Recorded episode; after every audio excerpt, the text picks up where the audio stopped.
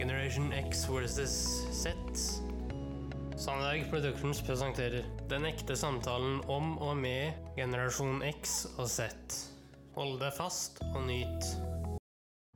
Hei, hei, kjære lytter, og hjertelig velkommen til dagens episode og dagens luke av uh, Generation X versus Z julekalender, som er luke fem.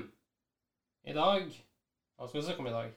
Jo, i dag er det lørdag, Henrik. Ja. Det er 5. desember, men det er også en lørdag. Og eh, det som hør og bør i disse tider, det er å snakke om øl. Ja, Mm. øh, og den Du hadde en lov, så vidt det var meg bekjent.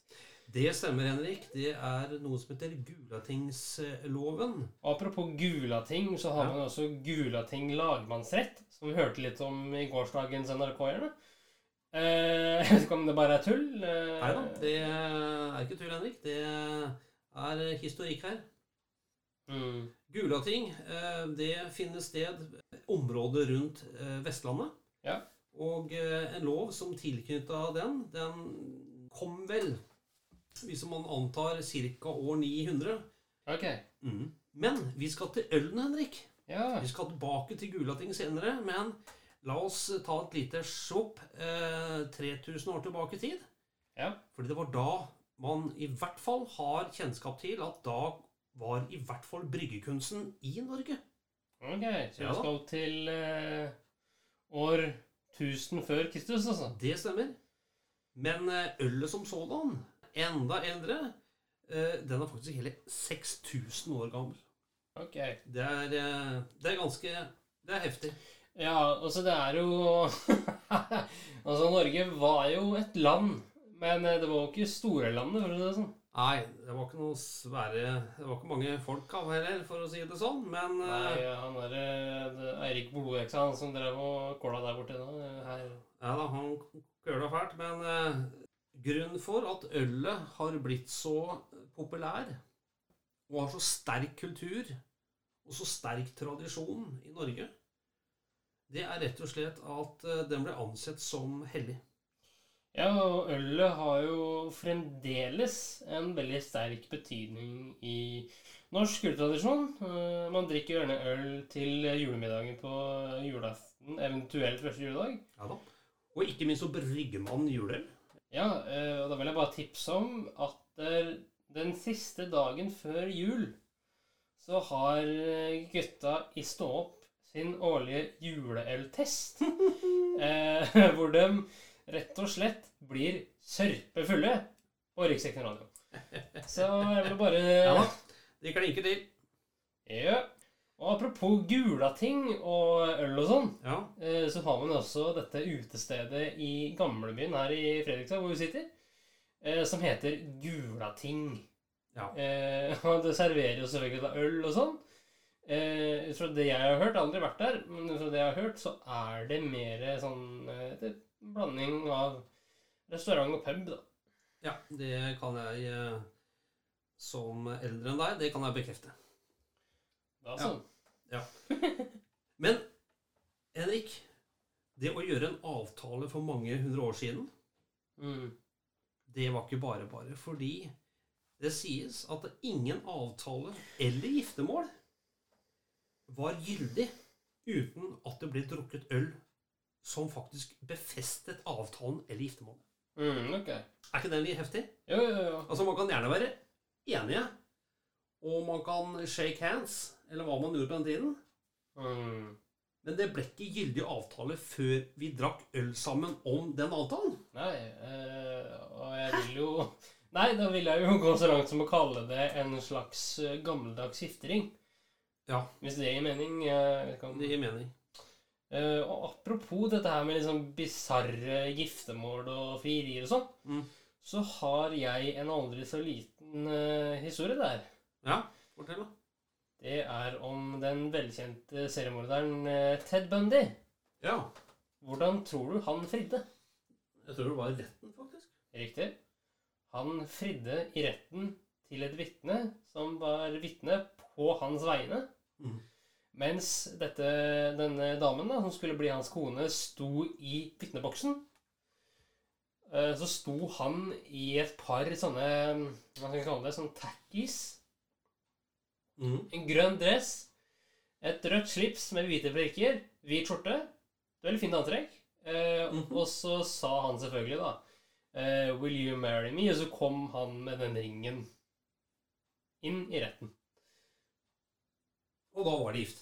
Da var de gift. Men det var fordi det var eh, rettslig personale der. Mm. Og derfor så var det ansett som gyldig og bindende. Ja. Man har forskjellige eh, kutymer og, og rettsgrunnlag for at en avtale skal anses gyldig eller ikke, Henrik. Er ikke det litt spennende? Jo. Jeg må bare si at Ted Bundy er ikke blant oss lenger. Han ble henretta ved hjelp av elektrisk stol i 1989. Men jeg må si en ting til når det gjelder eh, Gulating, Henrik. Ja. Gulating sier så veldig mye om øl. Jeg må ta et par ting, fordi dette er, dette er tradisjon. Og det kan kanskje gi en litt forståelse av hvorfor øl har så stor betydning og kultur i, i, i Norge. Jaha, kjør på. I Gulatingsloven, eh, datert ca. 900 år Ingen skal skifte arv etter en mann så lenge han har sitt vett, er hestefør og ølfør. Jaha. Men eh, jeg må bare gi uttrykk for at eh, en annen ting, jeg ja, også. Fordi det med øl og vintersolverv har stor betydning. Jaha. Ja.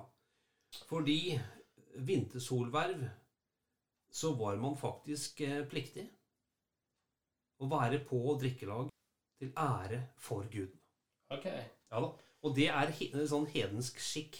Altså fra gammel, gammel, skikkelig gammelt av. Ja, men gjelder det bare i Norden, eller hva? Jeg tror eh, ølet har en, eh, eller hadde en veldig spesiell kultur, en tradisjon, i, i de nordiske land. Så må jeg ta fram en, eh, en siste ting her, Henrik, som er litt sånn på kanten av hva som ja, både er etisk eller moralsk forsvarlig, iallfall i dagens eh, tankerekke. Kan du si at du sparker opp en åpen dør nå? Ja, jeg tror jeg sparker opp he- Jeg sparker ned hele huset, tror jeg. Å ja, vi er der. Ja, det er det. Ja da. ja da. Du, jo, det var sånn i Gulatingsloven så mistet bonden alt han eide dersom han ikke brygget øl på tre år. Hvis ikke han brygget på det første året, så fikk han en klekkelig bot eh, og en kraftig advarsel. Eh, andre året så, så, så fikk han enda større eh, bot. Det tredje året så mista han alt han eide, hvor halvparten gikk til biskopen og halvparten til kongen. Mm. Men hadde du en gåte, Henrik? Eh, ja, den har jeg, vet du. Så herlig. Riddle number five.